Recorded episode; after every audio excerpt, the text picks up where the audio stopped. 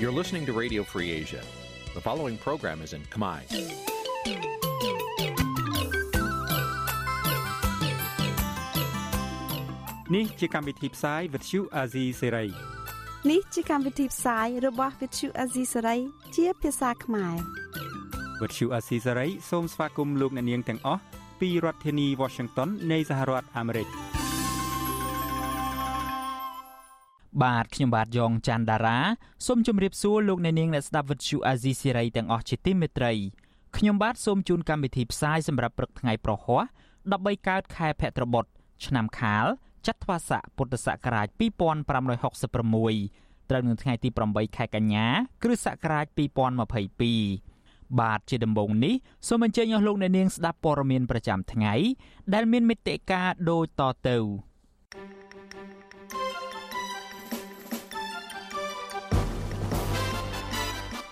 លោកកឹមសុខាដាស់តឿនតុលាការឲ្យសម្រេចក្តីដោយមិនលំអៀងមន្ត្រីសិទ្ធិមនុស្សជំរុញឲ្យអាជ្ញាធរស៊ើបអង្កេតករណីបុរសម្នាក់ស្លាប់ពេលប៉ូលីសឃាត់ខ្លួននៅភ្នំពេញអ្នកខ្លំមើលថាគិតកម្មនៃជនបរទេសកាន់តែច្រើន ធ្វើឲ្យប៉ះពាល់ដល់កេរ្តិ៍ឈ្មោះកម្ពុជា ប្រជាពលរដ្ឋនៅខេត្តបាត់ដំបង បន្តដាំក្រចៅលក់ដោះស្រាយជីវភាព រួមនឹងព័ត៌មានសំខាន់សំខាន់មួយចំនួនទៀត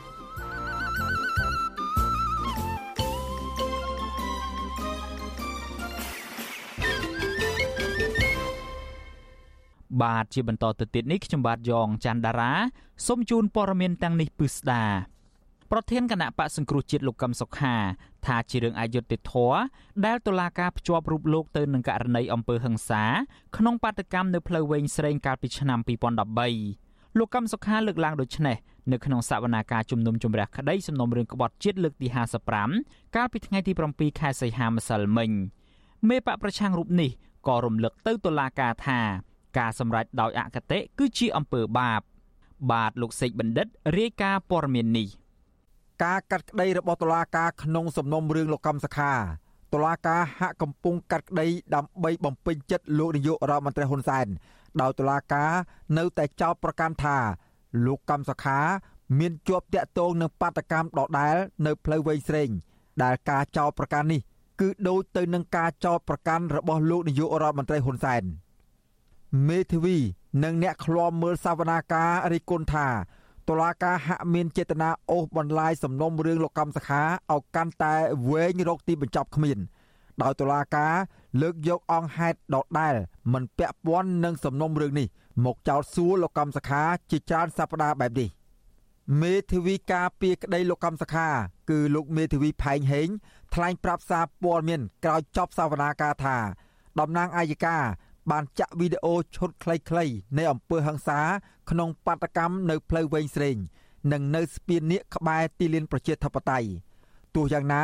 លោកមេធាវីថាការចាក់វីដេអូនេះ បានធ្វើឲ្យខាតពេលអត់ប្រយោជន៍ ព្រោះមិនជាប់តាក់ទងនឹងអស់ហេតុលោកថានៅពេលតំណាងអាយកាសួរសំណួរដដែលដដែលតាក់ទងនឹងអំពើហិង្សានៅផ្លូវវែងស្រេងបែបនេះ លោកកំសខានៅតែរក្សាចម្លើយដដែលគឺលោកទទួលស្គាល់តែបាតកម្មដែលរៀបចំដោយគណៈបកសង្គ្រោះជាតិនៅទីលានប្រជាធិបតេយ្យប៉ុណ្ណោះចំណែកបាតកម្មនៅក្រៅពីនេះ លោកកម្មសខាមិនដឹងឮឡើយ បាតកម្មទាំងអស់នោះសុទ្ធតែមានសាលក្រមដែលសាលាដំបូងរីវិញបានសម្រេចផ្ដន្ទាទោសមនុស្សមួយចំនួនដែលមានហង្សាក្រមរួចហើយហើយវាមិនមានពាក់ព័ន្ធនឹងការធ្វើត្រូវរបស់ដំណកម្មការដូច្នេះខ្ញុំគិតថាការលើកយកបាតកម្មដែលបានកាត់ក្តីរួចហើយមានសារក្រមរួចហើយយកមកសួរឡើងវិញវាគ្រាន់តែខាត់ពេលវេលាអត់ប្រយោជន៍ចំណែកលោកកំសខាក៏បានបង្ហោះសារលើទំព័រ Facebook របស់លោក នៅរសៀលថ្ងៃទី7ខែកញ្ញា គឺក្រោយចប់សវនាការនេះដោយលោកបានអរគុណមេធាវីការពីក្តីសហការី អ្នកគាំទ្រនិងប្រជាពលរដ្ឋដែលតែងតែជួយការពារលើកទឹកចិត្តនិងផ្ដល់យុទ្ធធម៌ដល់លោក ដោយបានចូលរួមផ្ទាល់នៅក្នុងតុលាការ និងបានតាមដាននៅខាងមុខតុលាការទោះបីសវនាការនេះ បានអូសបន្លាយរយៈពេលយ៉ាងយូររហូតដល់ជុំទី55ហើយក៏ដោយ លោកកម្មសខាថាការដែលរងភាពអយុត្តិធម៌5ឆ្នាំមកនេះ បានលើកយកនៅពាក្យពីរឃ្លាមកបង្ហាញថា ការសម្រេចដោយអកតេគឺជាអំពើបាប លោកបន្តទៀតថាជួបជុំគ្នាធ្វើបុណ្យតាមទំនៀមទម្លាប់ខ្មែរគឺអំពើជាកុសល មេបកប្រឆាំងរូបនេះឲ្យដឹងទៀតថាលោកនឹងចូលរួមប្រារព្ធពិធីបុណ្យកាន់បិណ្ឌនិងភ្ជុំបិណ្ឌជាមួយប្រជាពលរដ្ឋនៅតាមវត្តអារាមខ្លះ ក្នុងសប្តាហ៍ខាងមុខបើទោះបីជាលោកមិនទាន់មានសេរីភាពពេញលេញយ៉ាងណាក្តីសវនាការលើកទី55នេះក៏មិនខុសលើកមុនមុនដែរគឺនៅក្នុងបន្ទប់សវនាការមានតំណាងអង្គការសហប្រជាជាតិតំណាងស្ថានទូតប្រទេសលោកសេរី និងមន្ត្រីអង្គការសង្គមស៊ីវិលតាមដានស្ដាប់យ៉ាងយកចិត្តទុកដាក់ចំណែកនៅខាងក្រៅរបបតុលាការ មានសមត្ថកិច្ចប្រមាណ20នាក់បានឈរឃ្លាំមើល ហើយអ្នកគាំទ្រលោកកំសខា ដែលឈរត្រៀបត្រានៅខាងមុខតុលាការនោះមានប្រមាណ100នាក់អ្នកគាំទ្រលោកកំសខាម្នាក់គឺលោកជាស្រេង បានរិះគន់ថាសវនាការមានចរិតនយោបាយនិងមិនអាចផ្ដល់យុទ្ធធរឲ្យលោកកំសខាបាននោះឡើយលោកជាស្រេងចង់ឃើញសហគមន៍អន្តរជាតិគួរមានការអន្តរាគមន៍បន្ថែមទៀតដើម្បីជំរុញទៅរដ្ឋាភិបាលលោកហ៊ុនសែនឲ្យឆាប់វិលចូលតុចរចាដោះស្រាយបញ្ហានយោបាយនេះ បើសិនតែមានទៀតនៅអន្តរជាតិលេខខ្លាំងនឹងឯលោកវាអាចថាស្ថានភាពហ្នឹងចរចានយោបាយវាទៅដំណើរការបានហើយឆ្លើយតបនឹងការលើកឡើងនេះអ្នកនាំពាក្យគណៈបកប្រជាជនកម្ពុជាលោកសុកអេសាន នៅតែអះអាងដដាលថា សំណុំរឿងនេះកំពុងស្ថិតនៅក្នុងដៃតុលាការ បាទអានឹងការយល់ឃើញខុសគ្នាអានឹងគាត់ស្រែកថារឿងនយោបាយជាសិទ្ធិរបស់គាត់គុំថាឥឡូវរឿងវាវិជ្ជាស្ដែងវានៅក្នុងដៃតុលាការទៅហើយឥឡូវរឿងនយោបាយមិនទៀតទោះយ៉ាងណាមន្ត្រីជាន់ខ្ពស់នៃសមាគមអាត6លោកយីសុកសាន ដែលបានតាមដានដំណើររឿងនេះបានសង្កេតឃើញថាបាតុកម្មនៅផ្លូវវែងស្រេងជាការទៀមទាដំឡើងប្រាក់ឈ្នួលរបស់កម្មកររោងចក្រដែលមិនជាប់ពាក់ព័ន្ធនឹងគណៈបកនយោបាយនោះទេ មន្ត្រីសង្គមស៊ីវិលរូបនេះយល់ថាការបោះឆ្នោតឆ្នាំ2023កាន់តែខិតជិតចូលមកដល់គួរមានដំណោះស្រាយនយោបាយដើម្បីបញ្ចប់សំណុំរឿងនេះ។ តាមតាមការកត់សម្គាល់គឺក្នុងនាមយើងសង្គមស៊ីវិលដែលយើងតាមដានរឿងនេះដែរគឺវាជារឿងនយោបាយហើយហាក់ដូចជារឿងអុកបន្លាយពេលវេលាឬមួយក៏រៀបជាការពជាពេលណាដែលលោកកឹមសុខាខ្លួនឯងហ្នឹងលោកថាការសួរគាត់ដដែលដដែលហ្នឹងគឺជាការពជាពេលលោកកឹមសុខាបានបាត់បង់សិទ្ធិសេរីភាពជាង5ឆ្នាំមកហើយព្រោះរដ្ឋាភិបាលលោកហ៊ុនសែនបានចោទប្រកាន់ថាមេបកប្រឆាំងរូបនេះ បានខົບខិតជាមួយនឹងរដ្ឋបរទេសដើម្បីផ្ដួលរំលំរដ្ឋាភិបាលតុលាការនឹងបន្តសវនាការនេះនៅថ្ងៃពុធសប្តាហ៍ក្រោយទៀតគឺនៅថ្ងៃទី14ខែកញ្ញាលោកនាយករដ្ឋមន្ត្រីហ៊ុនសែនបានចោទប្រកាន់លោកកំសខាជាថ្មីម្ដងទៀតកាលពីចុងខែសីហា ថាលោកកំសខា មានជាប់តាក់ទងនឹងការធ្វើបាតកម្មនៅផ្លូវវែងស្រេង ដូចជាការលួចផ្ដាល់នំប៉័ងឲ្យក្រុមបាតកោនៅម៉ោង3ទៀបភ្លឺជាដើម។ លោកថាការទៀមទាផ្លាស់ប្ដូរក្រោយការបោះឆ្នោត ជាការផ្ដួលរំលំរដ្ឋាភិបាលទោះយ៉ាងណា មន្ត្រីអង្គការសង្គមស៊ីវិលរិះគន់ថាការថ្លែងបែបនេះរបស់លោកនាយករដ្ឋមន្ត្រីហ៊ុនសែនអាចជះឥទ្ធិពលដល់តុលាការក្នុងការសម្រេចក្តីលើករណីលោកកំសុខាខ្ញុំបាទសេកបណ្ឌិតវិទ្យុអាស៊ីសេរីពីរដ្ឋធានីវ៉ាស៊ីនតោនបាទលោកនៅនាងជាទីមេត្រី អ្នកជំនាញ ព្រមទាំងសកម្មជននយោបាយនិងសិទ្ធិមនុស្សនៅសហរដ្ឋអាមេរិកលើកឡើងថាប្រជាពលរដ្ឋខ្មែរអាមេរិកកាំងចាំបាច់ត្រូវតែតាមដាន និងតាក់ទងការិយាល័យតំណាងរាស្ត្រនិងសមាជិកព្រឹទ្ធសភារបស់អាមេរិកជាប្រចាំដើម្បីពន្យល់ពួកគេឲ្យយល់ច្បាស់អំពីបញ្ហាធ្លាក់ចុះនៃលទ្ធិប្រជាធិបតេយ្យនិងសិទ្ធិមនុស្សនៅកម្ពុជា ពួកគេលើកឡើងថាការធ្វើដូច្នេះនឹងជំរុញឲ្យក្រុមសមាជិកព្រឹទ្ធសភា និងសមាជិករដ្ឋសភាអាមេរិកទាំងនោះ ឈានទៅបោះឆ្នោតគាំទ្រការអនុម័តសេចក្តីស្នើច្បាប់ដាក់ទណ្ឌកម្មជាក់លាក់លើមន្ត្រីជាន់ខ្ពស់នៃរដ្ឋាភិបាលលោកហ៊ុនសែនឬដែលគេហៅថា S3052 ឲ្យបានឆាប់នាពេលខាងមុខព្រមទាំងបញ្ជាពួកគេពីការព្យាយាមបញ្ចុះបញ្ចូលណាមួយដោយក្រុមហ៊ុនជួលដោយរដ្ឋាភិបាលលោកហ៊ុនសែនទៀតផងបាទសំលោកអ្នកនាងរងចាំស្ដាប់សេចក្តីរាយការណ៍នេះពឹស្ដានៅក្នុងកម្មវិធីផ្សាយរបស់យើងនាពេលបន្តិចទៀតនេះ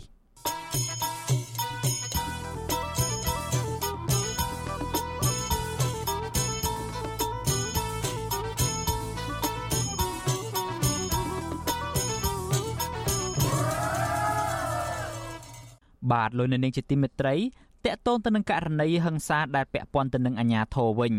ក្រុមគ្រួសាររបស់ជនរងគ្រោះដែលស្លាប់នៅក្នុងពេលសមត្ថកិច្ចសង្កាត់គោករកានិងខណ្ឌព្រែកភ្នៅខាត់ខ្លួននោះស្នើសុំឲ្យអាជ្ញាធរពាក់ព័ន្ធជួយស្វែងរកយុត្តិធម៌ដល់បងប្រុសរបស់លោកស្រីពីព្រោះលោកស្រីអះអាងថាគាត់មានសុខភាពល្អនិងមិនមានជំងឺដោយការលើកឡើងរបស់អាជ្ញាធរនោះទេមន្ត្រីសង្គមស៊ីវិលយល់ថាសមត្ថកិច្ចគួរតែបើកការស៊ើបអង្កេតករណីនេះ និងរកយុត្តិធម៌ជូនជនរងគ្រោះបាទសំលោកអ្នកនាង ស្ដាប់សេចក្តីរាយការណ៍នេះរបស់លោកជីវិតាដូចតទៅសាច់ញាតិក្រុមគ្រួសារជនរងគ្រោះម្នាក់ដែលស្លាប់ក្នុងពេលប៉ូលីសឃាត់ខ្លួនកាលពីថ្ងៃទី3ខែកញ្ញាគឺលោកស្រីហៃចាន់នីអះអាងថាបងប្រុសរបស់លោកស្រីមិនមែនស្លាប់ដោយសារជំងឺដោយការលើកឡើងរបស់សមត្ថកិច្ចឡើយព្រោះបងប្រុសរបស់លោកស្រីមានសុខភាពល្អមុនការឃាត់ខ្លួន លោកស្រីហៃចាន់នីប្រាវិទ្យូអាស៊ីសេរីនៅថ្ងៃទី7កញ្ញាថាលោកស្រីនិងក្រុមគ្រួសារនៅតែមានអារម្មណ៍សោកសៅនិងឈឺចាប់នៅពេលរំលឹកដល់បងប្រុសរបស់លោកស្រីព្រោះការស្លាប់របស់ជនរងគ្រោះមិនទាន់ទទួលបានយុត្តិធម៌នៅឡើយទេលោកស្រីហៃចាន់នីជឿជាក់ថាបងប្រុសរបស់លោកស្រីស្លាប់ដោយសារការវាយធ្វើទរណកម្មពីសំណាក់សមត្ថកិច្ចមិនមែនស្លាប់ដោយសារជំងឺ ឬដួលនៅក្នុងបន្ទប់ទឹកដោយការលើកឡើងរបស់សមត្ថកិច្ចនោះឡើយ លោកស្រីនិងក្រុមគ្រួសារស្នើសុំឲ្យអាជ្ញាធរមានសមត្ថកិច្ចជួយអន្តរាគមន៍ស្វែងរកយុត្តិធម៌ដល់ក្រុមគ្រួសាររបស់លោកស្រីព្រោះលោកស្រីថាបងប្រុសលោកស្រី មានសុខភាពល្អនិងមិនដែលមានជំងឺប្រចាំកាយនោះទេ តែក្រោយពីប៉ូលីសឃាត់ខ្លួនត្រឹមតែ2ថ្ងៃបងប្រុសរបស់លោកស្រីបែរជាធ្លាក់ខ្លួនឈឺធ្ងន់រហូតដល់ស្លាប់នៅថ្ងៃទី3ខែកញ្ញា ខ្ញុំសំណូមពរថាឲ្យមន្ត្រីទាំងអស់ជួយរកយុត្តិធម៌ដល់ក្រុមគ្រួសារនាងខ្ញុំផងព្រោះខ្ញុំមើលតែបងខ្ញុំពេលមុនគាត់ស្ដាប់មិនដឹងវេទនាយ៉ាងណាខ្ញុំមានទាំងវីដេអូដែលគាត់តដោថឹងនិយាយប្រាប់ម៉ែឪបងប្អូនតែគាត់និយាយអត់ចេញណាបងវិទ្យុអាស៊ីសេរីមិនអាចតាក់ទងប្រធានគណៈកម្មាធិការជាតិប្រឆាំងទារុណកម្មលោកនុតសាអាន ដើម្បីសូមអត្ថាធិប្បាយអំពីរឿងនេះបានទេ នៅថ្ងៃទី7កញ្ញានេះទោះជាយ៉ាងណា អធិការនគរបាលខណ្ឌព្រែកភ្នៅក្រុងភ្នំពេញលោកឈិនកំធុនបានប្រាប់សារព័ត៌មាន VOD ថាការស្លាប់របស់លោកហាយប៊ុនណា មិនមែនដោយសារការធ្វើទរណកម្មរបស់សមត្ថកិច្ចនោះទេ គឺលោកហាយប៊ុនណាបានស្លាប់ដោយសារជំងឺប្រចាំកាយរបស់គាត់ហើយលោកក៏បានធ្វើរបាយការណ៍ទៅថ្នាក់លើរួចរាល់ហើយដែរលោកហាយប៊ុនណាត្រូវបានប៉ូលីសសង្កាត់គោករកាឃាត់ខ្លួនកាលពីថ្ងៃទី25ខែសីហា ដោយសង្ស័យថាលោកបានលួចគ្រឿងរថយន្តមួយកន្លែងនៅក្នុងសង្កាត់គោករកាជាមួយជនសង្ស័យពីអ្នកផ្សេងទៀតបន្ទាប់ពីការឃាត់ខ្លួនសាច់ញាតិលោកហាយប៊ុនណាក៏បានទៅសួរសុខទុក្ខលោកដែរប៉ុន្តែសមត្ថកិច្ចមិនអនុញ្ញាតឲ្យសាច់ញាតិចូលទៅជួបនោះទេលុះដល់ថ្ងៃទី27ខែសីហា បងស្រីនិងម្ដាយរបស់លោកហាយប៊ុនណា បានទៅសួរសុខទុក្ខលោកនៅខណ្ឌព្រែកភ្នៅ ហើយនៅទីនោះ ពួកគាត់បានឮសំឡេងស្រែកហៅឲ្យជួយ និងគោះទ្វារខ្លាំងខ្លាំងបន្ទាប់មក ពួកគាត់ឃើញប៉ូលីសសែងលោកហាយប៊ុនណា ដែលមានសភាពសន្លប់បាត់ស្មារតីបញ្ជូនទៅសង្គ្រោះបន្ទាន់នៅមន្ទីរពេទ្យបង្អែកព្រែកភ្នៅក្រោយមកដោយសារស្ថានភាពកាន់តែធ្ងន់ប៉ូលីសក៏បានបញ្ជូនលោកហាយប៊ុនណាទៅមន្ទីរពេទ្យលោកសង្ឃនិងបញ្ជូនទៅមន្ទីរពេទ្យមិត្តភាពកម្ពុជារុស្ស៊ីហើយលោកហាយប៊ុនណាក៏បានស្លាប់នៅថ្ងៃទី3កញ្ញានៅមន្ទីរពេទ្យកម្ពុជារុស្ស៊ីតែម្ដង។ រូបភាពសាកសពលោកហាយប៊ុនណា ដែលត្រូវបានចែករំលែកលើបណ្ដាញសង្គម Facebook បង្ហាញថាសាកសពមានស្នាមជាំពេញដងខ្លួនខាងក្រោយ ហើយក៏ដៃស្មងជើង និងផ្នែកខាងក្រោមស្មា មានស្នាមដាច់រលាត់ជាច្រើនជុំវិញរឿងនេះនាយកទទួលបន្ទុកកិច្ចការទូតនៃអង្គការលីកាដូលោកអំសំអាត ប្រាប់វិទ្យុអាស៊ីសេរីថាប្រទេសកម្ពុជា គឺជារដ្ឋសមាជិកដែលបានធ្វើសេចក្ដីបានទៅលើអនុសញ្ញាប្រឆាំងទរណកម្ម និងការប្រព្រឹត្តមកលើខ្លួនឬទណ្ឌកម្មឯទៀតដែលខូខើនិងអមនុស្សធម៌តាំងពីឆ្នាំ2007មកម្លេះលោកអំសំអាតបន្ថែមថា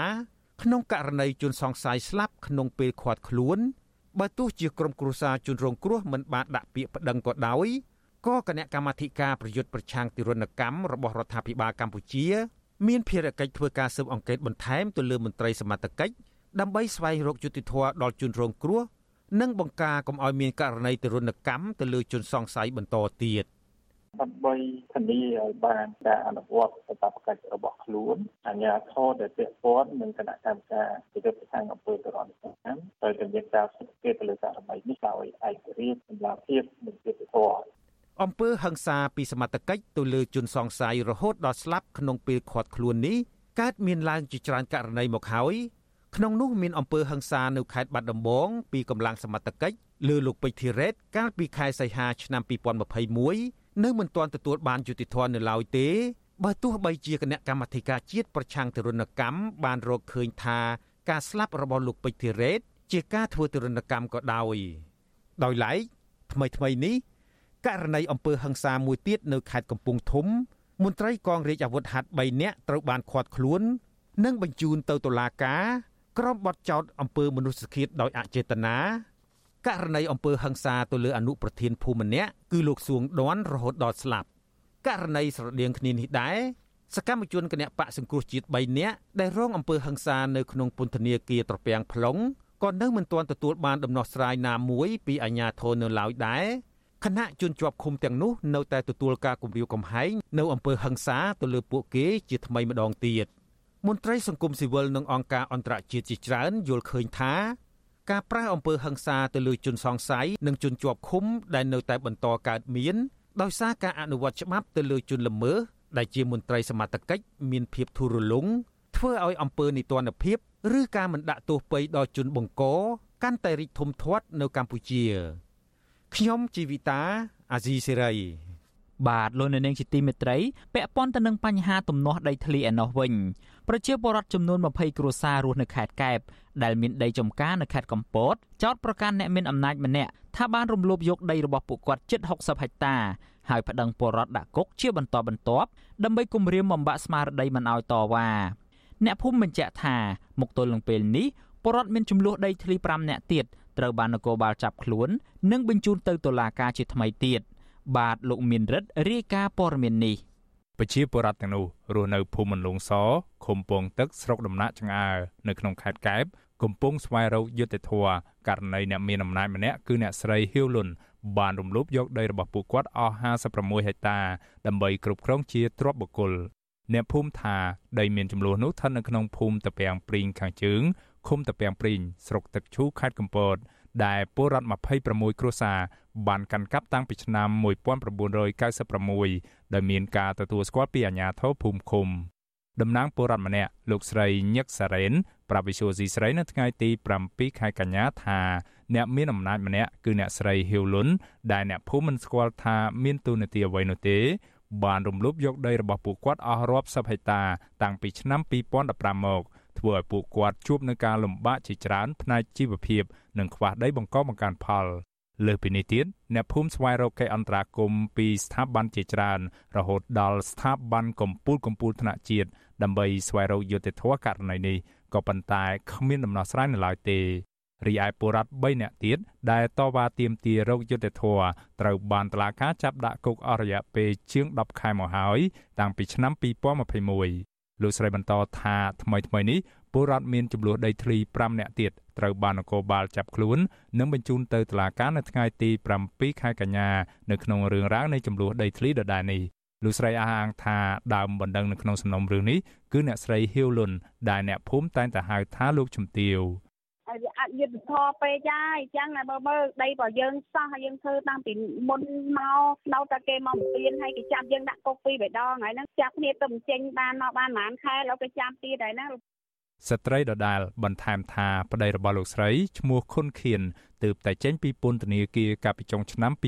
2021ក៏ត្រូវបានសមត្ថកិច្ចចាប់ខ្លួនជាថ្មីម្ដងទៀតកាលពីថ្ងៃច័ន្ទសប្តាហ៍នេះនៅក្នុងសំណុំរឿងដដាលនេះ មកទល់ពេលនេះសមត្ថកិច្ចនៃស្នងការដ្ឋាននគរបាលខេត្តកំពតបានបញ្ជូនពលរដ្ឋ5នាក់រួមទាំងប្តីរបស់លោកស្រីផង ទៅសាកសួរនៅតុលាការលោកស្រីអះអាងថាពលរដ្ឋដែលសមត្ថកិច្ចចាប់ខ្លួនមិនបានប្រព្រឹត្តកំហុសដោយតាមការចាត់ប្រកាន់នោះទេដោយពួកគាត់គ្រាន់តែប្រើសិទ្ធិតវ៉ាទាមទារដីធ្លីបង្កបង្កើនផលរបស់ខ្លួនតែប៉ុណ្ណោះឆ្លើយតបនឹងរឿងនេះស្នងការនគរបាលខេត្តកំពតលោកម៉ៅច័ន្ទធរិត ប្រាប់វិសុយស៊ីស្រីយ៉ាងខ្លីថានគរបាលបានបញ្ជូនពលរដ្ឋទាំង5នាក់នោះទៅតុលាការរួចហើយដោយចោទប្រកាន់ពីបទរំលោភកាន់កាប់អចលនទ្រព្យដោយស្របច្បាប់លោកបដិសេធមិនឆ្លើយលម្អិតដែលរឿងនេះកំពុងស្ថិតនៅក្នុងដៃតុលាការគាត់ទៅរំលោភអ្នកកាន់កាប់អចលនវត្ថុដោយស្របច្បាប់យើងបញ្ជូនទៅតុលាការបាទអ្នកផ្សេងទៀតកំពុងតែកិច្ចខ្លួនណាយើងកសាងសំណុំរឿងដើម្បីសុំវិការដើម្បីចាប់បន្តទៀត វិសុវស៊ីស្រីមិនទាន់អាចតាក់ទងសុំការបំភ្លឺជុំវិញរឿងនេះពីអ្នកស្រីហ៊ីវលុនបាននៅឡើយទេនៅថ្ងៃទី7ខែកញ្ញាចំណែកឯអ្នកនាំពាក្យអាយកាអមសាលាដំបងខេត្តកំពតលោកខាន់សផលក៏មិនអាចសុំការបំភ្លឺបានដែរនៅថ្ងៃដដែលនេះដោយទូរស័ព្ទហៅចូលតែគ្មានអ្នកលើកជុំវិញរឿងនេះមន្ត្រីសម្របសម្រួលសមាគមការពារសិទ្ធិមនុស្សអាត6 លោកយុនផលីសង្កេតឃើញថាមកទល់ពេលនេះសំណុំរឿងដីធ្លីនេះកំពុងស្ថិតនៅក្នុងការស៊ើបអង្កេតរបស់តុលាការកំពូល ដោយមិនទាន់ឲ្យភាគីណាមួយអាស្រ័យផលនឹងកាន់កាប់ដីមានចំនួននេះទេលោកបញ្ជាក់ថាដីមានចំនួននោះត្រូវបានតុលាការចេញដីការរក្សាការពារមិនឲ្យភាគីណាមួយកាន់កាប់បាននៅឡើយទេដោយត្រូវរងចាំសេចក្តីសម្រេចស្ថាពរពីតុលាការកំពូលជាមុនសិន มันអាចទៅធ្វើការសាងសង់ឬក៏ទៅបង្កបង្កើនផលនៅលើដីហាមឃាត់នឹងបានទេហើយបើសិនជាឧទាហរណ៍ថាយើងទៅធ្វើចឹងហើយអាហ្នឹងវាការបំពេញទៅលើដីការរក្សាការពាររបស់ការហើយមន្ត្រីសិទ្ធិមនុស្សរូបនេះបន្ថែមថាសមាជិកបានចាប់ខ្លួនពលរដ្ឋទាំងនេះគឺដោយសារតែពួកគាត់ទៅកាន់កាប់និងអាស្រ័យផលលើដីមានចំនួនដែលតឡាការចេញដីការរក្សាការពារតែទោះជាយ៉ាងណា លោកថាយន្តការនៃការអប់រំណែនាំពលរដ្ឋឲ្យធ្វើកិច្ចសន្យាបញ្ឈប់ ប្រសើរជាងការចាប់ខ្លួនពួកគាត់ដាក់ពន្ធនាគារដែលនាំឲ្យប៉ះពាល់ដល់ជីវភាពរបស់ពលរដ្ឋដែលទាមទារដីធ្លីអាស្រ័យផលនោះអ្នកភូមិថាគិតត្រឹមរសៀលថ្ងៃទី7ខែកញ្ញាតឡាកាមិនទាន់ដោះលែងពលរដ្ឋទាំង5នាក់នោះនៅឡើយទេខ្ញុំបានមេរិត Visual C ស្រីរាយការណ៍ពីរដ្ឋធានី Washington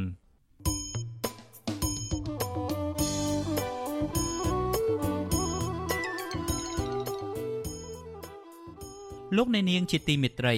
ដំណើរគ្នានឹងស្ដាប់ការផ្សាយវិទ្យុអាស៊ីសេរីតាមបណ្ដាញសង្គម Facebook និង YouTube លោកអ្នកនាងក៏អាចស្ដាប់កម្មវិធីផ្សាយរបស់ Vuthu Azizi Serai តាមរលក ធាតុអាកាសខ្លីឬ Shortwave តាមកម្រិតនិងកម្ពស់ដូចតទៅនេះពេលព្រឹកចាប់ពីម៉ោង5កន្លះដល់ម៉ោង6កន្លះតាមរយៈរលក ធាតុអាកាសខ្លី12140 kHz ស្មើនឹងកម្ពស់ 25m និង13715 kHz ស្មើនឹងកម្ពស់ 22m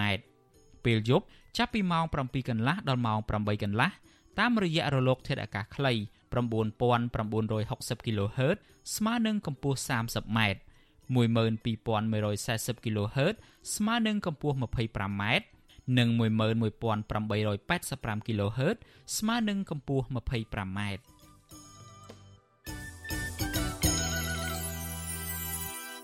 លោកអ្នកនាងកំពុងស្ដាប់ការផ្សាយរបស់ Vuthu Azizi Serai ពីរដ្ឋធានី Washington នៃសហរដ្ឋអាមេរិកពាក់ព័ន្ធទៅនឹងបញ្ហាកោតក្រ Nagawal ឯណោះវិញក្រុមកោតក្រស្នើដល់បេក្ខជននាយករដ្ឋមន្ត្រីនៃគណៈបកប្រជាជនកម្ពុជា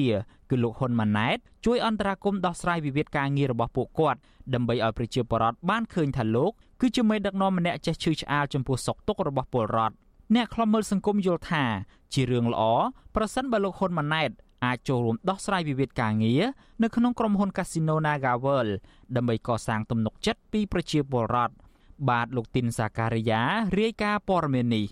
ក្រុមកុតកល Nagavel អស់សង្ឃឹមទៅលើស្ថាប័នពាក់ព័ន្ធជាពិសេសក្រសួងការងារដែលមិនបានឈរជាអាជ្ញាកណ្ដាលជួយរកដំណោះស្រាយវិវាទការងារជូនពួកគាត់ដោយយុត្តិធម៌ក្រុមកុតកលយល់ថាវិវាទការងារនេះនឹងមានដំណោះស្រាយប្រសិនបើមានការជួយអន្តរាគមន៍ពីលោកនាយរដ្ឋមន្ត្រីហ៊ុនសែន ឬកូនប្រុសរបស់លោកគឺលោកហ៊ុនម៉ាណែតកុតកល Nagavel ម្នាក់កញ្ញាផុនករណាលើកឡើងថាទោះបីជាប្រឈមការធ្វើទុកបុកម្នេញនិងការមិនអើពើពីស្ថាប័នពាក់ព័ន្ធបែបណាក្តីក៏ពួកគាត់នៅតែបន្តធ្វើកោតកម្មដោយសន្តិវិធីទាមទាររកដំណោះស្រាយវិវាទការងារដដែលកញ្ញាសង្ឃឹមថាប្រមុខរដ្ឋាភិបាលរួមទាំងលោកហ៊ុនម៉ាណែតក្នុងនាមជាបេក្ខភាពនាយករដ្ឋមន្ត្រីរបស់គណៈបកប្រជាជនកម្ពុជានៅពេលអនាគតនឹងជួយដោះស្រាយវិវាទការងារនេះឲ្យបានចប់ ពួកយើងក៏សង្ឃឹមថានឹងមានការជួយអន្តរាគមពីថ្នាក់ដឹកនាំក៏ដូចជាចាដូចជាបេក្ខជនដែរក៏យើងមានសង្ឃឹមដែរថាគាត់នឹងអាចបង្ហាញសមត្ថភាពដោះស្រាយបញ្ហានៅក្នុងប្រទេសក្នុងសង្គមយើងអញ្ចឹងហើយទៅមុខទៀតក៏អាចឲ្យប្រជាពលរដ្ឋមានក្តីសង្ឃឹមទៅលើគាត់អញ្ចឹងណាបងព្រោះថាវិវាទការងារនេះវាជារឿងតូចមួយទេអំថាជាវិវាទការងារទេហើយបើសិនជាគាត់អាចជួយអន្តរាគមដោះស្រាយវិវាទការងារក្រុមហ៊ុន Nagawer នេះបានធ្វើឲ្យប្រជាពលរដ្ឋក៏ដូចជាកម្មករខ្មែរគាត់សប្បាយចិត្តទៅនឹងឋានៈដឹកនាំក៏ដូចជាបេក្ខជនឈរឈ្មោះជាឋានៈដឹកនាំទៅថ្ងៃមុខទៀតប្រហាក់ប្រហែលគ្នាដែរកោតកល Nagawal ម្នាក់ទៀតនាងមុំសុវត្ថិនរៀបរាប់ថាប្រសិនបើលោកហ៊ុនម៉ាណែតជួយឈឺឆ្អាលនឹងដោះស្រាយទុកកង្វល់របស់ប្រជាពលរដ្ឋដោយករណី Nagawal នេះនិងបង្ហាញឲ្យឃើញថា លោកមានសមត្ថភាព និងមានស្នាដៃច្រើនក្នុងការត្រៀមស្នងតំណែងនាយករដ្ឋមន្ត្រីនៅពេលអនាគត ចាពីពួកខ្ញុំជាកោតកោទៅ មានតែអំពាវនាវដល់អាយដាមហ៊ុនម៉ាណែតសង្ឃឹមថាគាត់ជួយដោះស្រាយជួយអន្តរាគមបើសិនជាពួកខ្ញុំតែតាមពិតទៅពួកខ្ញុំបានដាក់ញត្តិដាក់អីទៅសម្ដេចនាយករដ្ឋមន្ត្រីរួចហើយប៉ុន្តែដូចជាស្ងាត់ឈឹងអញ្ចឹងខ្ញុំមានតែម្រាមដៃដប់ឲ្យអាយដាមហ៊ុនម៉ាណែតជួយឈឺឆ្អាលផងដើម្បីប្រជាប្រិយភាពទៅថ្ងៃខាងមុខទៀតព្រោះមិនមែនប្រជាជនតែម្នាក់ដែលដឹងរឿងហ្នឹងទេគឺពេញពិភពលោកគេគេបានដឹងវិវាទការងារហ្នឹងហើយព្រោះចេតនាគឺគេចង់កំទេចសហជីពឯករាជ្យដែលការពារផលប្រយោជន៍កម្មករហ្នឹងក្រុមកោតក្រ Nagavel បានធ្វើកោតកម្មរយៈពេលជាង8ខែមកហើយដើម្បីទាមទារឲ្យថកែទទួលយកបុគ្គលិកដែលបានបញ្ឈប់និងអនុញ្ញាតឲ្យមានវត្តមានសហជីពនៅកន្លែងការងារឡើងវិញ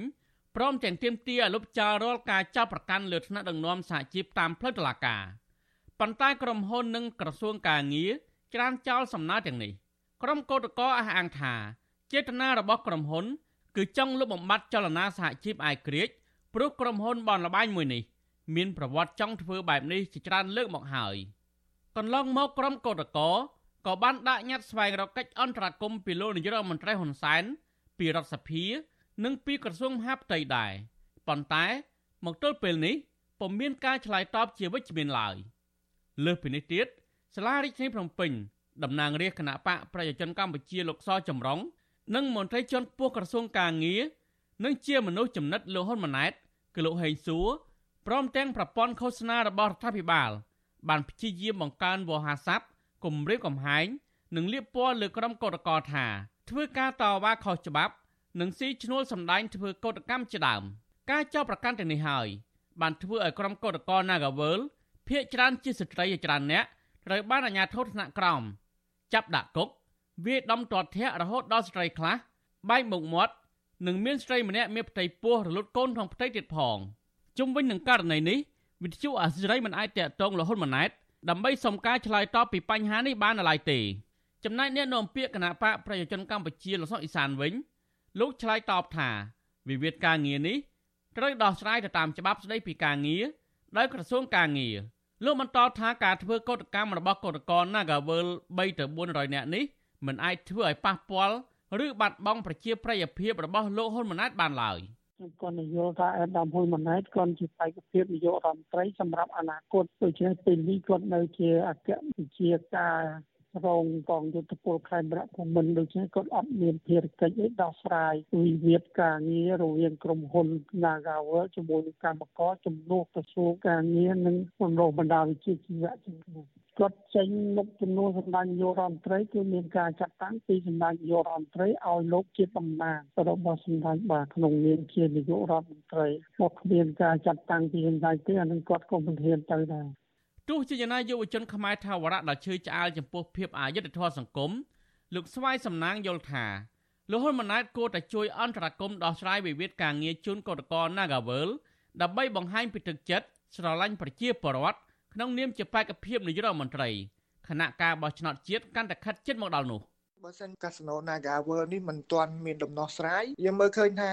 ការធ្វើកតកម្មការរំលោភសិទ្ធិការងាររំលោភសិទ្ធិសហជីពនៅក្នុងក្រុមហ៊ុននេះគឺវាល្បីទៅលើឆាកអន្តរជាតិជាពិសេសអង្គការដៃគូផ្សេងៗនៅលើឆាកអន្តរជាតិនេះវាធ្វើឲ្យប៉ះពាល់ដល់មុខមាត់រាជរដ្ឋាភិបាលហើយជាពិសេសក្នុងភាពទាំងអស់នេះគឺវាបណ្ដាលឲ្យប្រជាពលរដ្ឋយើងទូទាំងប្រទេសមើលឃើញថាប្រទេសកម្ពុជារបស់យើងនឹងគឺនៅតែបន្តភាពអយុត្តិធម៌ហើយសំណួរសួរថាតើប្រជាពលរដ្ឋឃើញការដឹកនាំនាំរបៀបនេះតើពួកគាត់នៅចង់បានការដឹកនាំរបៀបនេះបន្តទៀតឬមួយក៏ក៏យ៉ាងណារដ្ឋាភិបាលកម្ពុជាកំពុងទទួលរងការរិះគន់ជាខ្លាំងពីសហគមន៍ជាតិនិងអន្តរជាតិពាក់ព័ន្ធនឹងការរំលោភសិទ្ធិស្ត្រី និងខ្វះខាតការដោះស្រាយវិវាទរវាងបុគ្គលិកនិងក្រុមហ៊ុន Nagavel កាលពីខែសីហាកន្លងទៅនាយរដ្ឋាភិបាលពិសេសអង្គការសហប្រជាជាតិទទួលបន្ទុកផ្នែកសិទ្ធិមនុស្សប្រចាំនៅកម្ពុជាលោកវិទិតមុនតាបនក៏បានចុះឃ្លាំមើលដល់កន្លែងកោតកម្ម និងបានជួបជាមួយតំណាងសហជីព Nagawal ដែរដែលជាផ្នែកមួយបង្ហាញពីការគាំទ្រនិងជាការជំរុញអរដ្ឋាភិបាលដោះស្រាយរឿងនេះឲ្យបានត្រឹមត្រូវចំពោះក្រុមកោតក្រ Nagawal វិញពួកគាត់នៅតែបដិញ្ញាថានឹងបន្តសាមគ្គីគ្នាធ្វើកោតកម្មរហូតដល់ឲ្យមានដំណោះស្រាយសមរម្យខ្ញុំធីនសាការីយ៉ាអស៊ីសេរីប្រធានីវ៉ាស៊ីនតោនបាទលោកនាងជាទីមេត្រីពាក់ព័ន្ធទៅនឹងបញ្ហាសេដ្ឋកិច្ចឯណោះវិញធនធានជាតិនៃកម្ពុជាកាលពីថ្ងៃទី7ខែកញ្ញាបានចេញលក់មូលបត្ររដ្ឋជាលើកដំបូងនៅក្នុងទំហំទឹកប្រាក់ជាង24លានដុល្លារអាមេរិកដើម្បីប្រមូលប្រភពឥណទាននៅក្នុងស្រុកសេចក្តីជូនដំណឹងរបស់ធនាគារជាតិនៃកម្ពុជាឲ្យដឹងថាការដេញថ្លៃមូលបត្ររដ្ឋឬហៅសញ្ញាប័ណ្ណដែលសម្ដៅដល់កិច្ចសន្យាបំណុលជាលើកដំបូងនេះធ្វើឡើងតាមរយៈប្រព័ន្ធរបស់ធនាគារជាតិ តាមគម្រោងរដ្ឋាភិបាលកម្ពុជាគ្រោងនឹងប្រកាសដាក់លក់មូលបត្ររដ្ឋជាលើកដំបូងនៅខែកញ្ញានេះនៅក្នុងទំហំទឹកប្រាក់ចំនួន300លានដុល្លារអាមេរិកសេចក្តីប្រកាសរបស់ក្រសួងសេដ្ឋកិច្ចនិងហិរញ្ញវត្ថុផ្សព្វផ្សាយកាលពីថ្ងៃទី4ខែសីហាឲ្យដឹងថានៅក្នុងការលក់មូលបត្ររដ្ឋដំបូងនេះវិនិយោគិនអាចទិញបានក្នុងមួយបានឬមួយភាគហ៊ុនស្មើនឹងសាច់ប្រាក់ចំនួន1លានរៀលឬប្រមាណ250ដុល្លារអាមេរិកមន្ត្រីរដ្ឋាភិបាលអះអាងថា ការដាក់លក់មូលបត្ររដ្ឋជាលើកដំបូងនេះគឺជាផ្នែកមួយជួយកាត់បន្ថយការពឹងផ្អែកលើកម្ចីពីបរទេសដែលអាចឲ្យរដ្ឋគៀកោប្រាក់កម្ចីពីវិនិយោគិននៅក្នុងស្រុក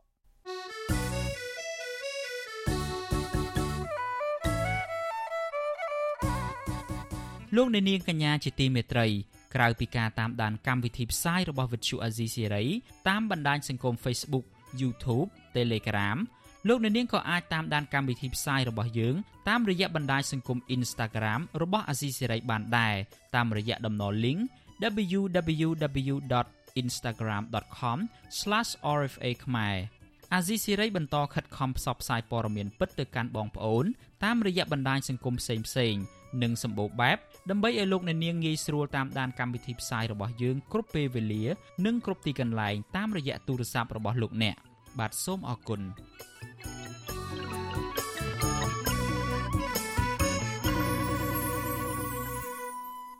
បាទលោកនាងជាទីមេត្រីយើងងាកមកបញ្ហាពាក់ព័ន្ធទៅនឹងករណីឃាតកម្មឯនេះវិញ